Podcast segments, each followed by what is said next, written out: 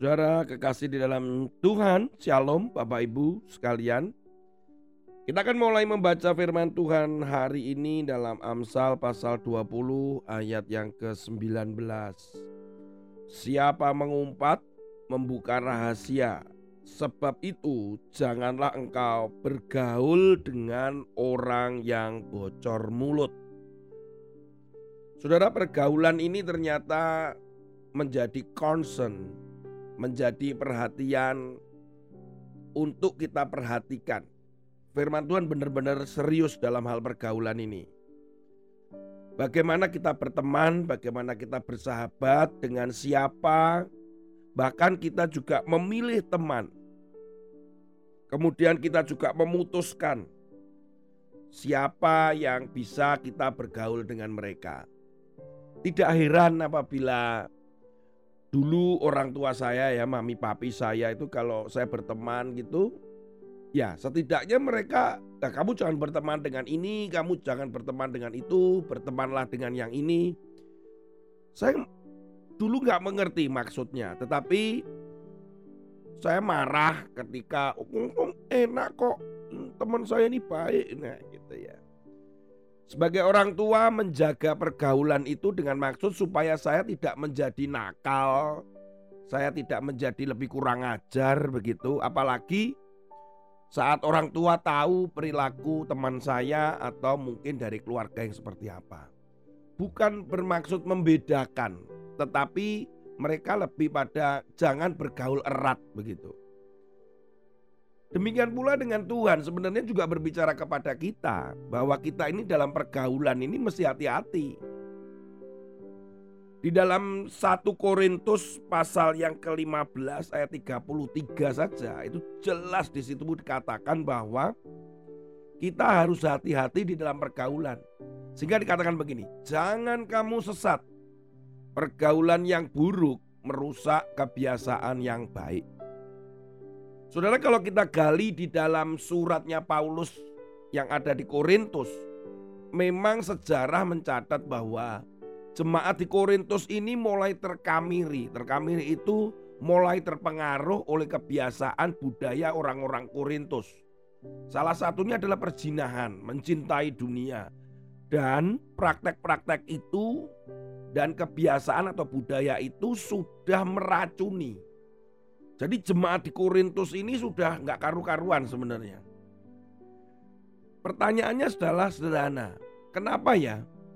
Kalau kebiasaan buruk itu menjadi lebih mudah kita lakukan daripada yang baik. Contohnya adalah berkata kotor misalkan gitu. Itu beberapa saat saja kita kumpul langsung aja kita akan terpengaruh. Belum lagi cara-cara teknik-teknik tertentu yang mana itu kecurangan, penipuan. Mami saya dulu yang tertipu oleh orang yang memang berniat jahat dalam hal keuangan aja mami saya terpengaruh untuk buka arisan, buka arisan, buka arisan. Seperti sudah yang saya saksikan bahwa meminjamkan uang kemudian uh, jaminannya adalah sertifikat dan seterusnya. Saudara, kok mudah ya orang yang jahat, orang yang bebal itu mempengaruhi kita. Nah, oleh karena itu memang Tuhan itu mengingatkan kita berulang-ulang. Berulang-ulang. Hati-hati, hati-hati terutama di akhir zaman ini.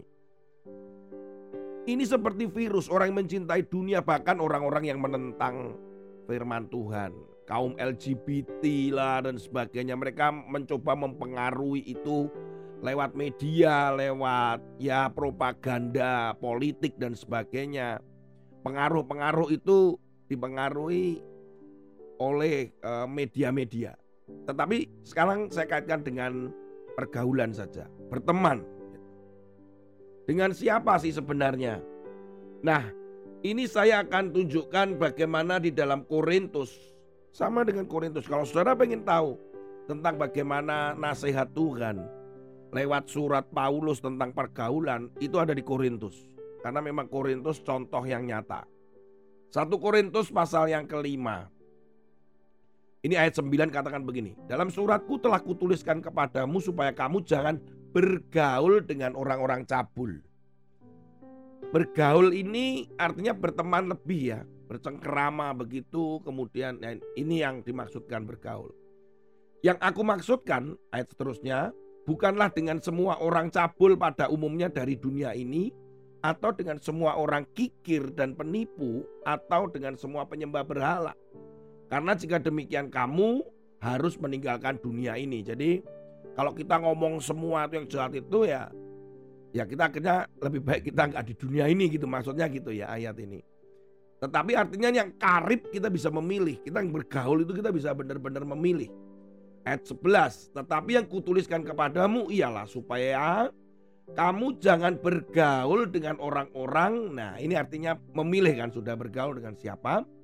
Yang menyebut dirinya saudara adalah orang cabul, orang kikir atau pelit, penyembah berhala, pemfitnah, pemabuk atau penipu. Dengan orang demikianlah jangan kamu sekali-sekali makan bersama-sama. Itu artinya bergaul karib.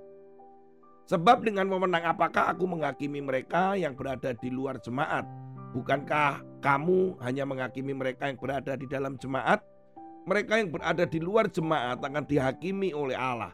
Usirlah orang yang melakukan kejahatan dari tengah-tengah kamu.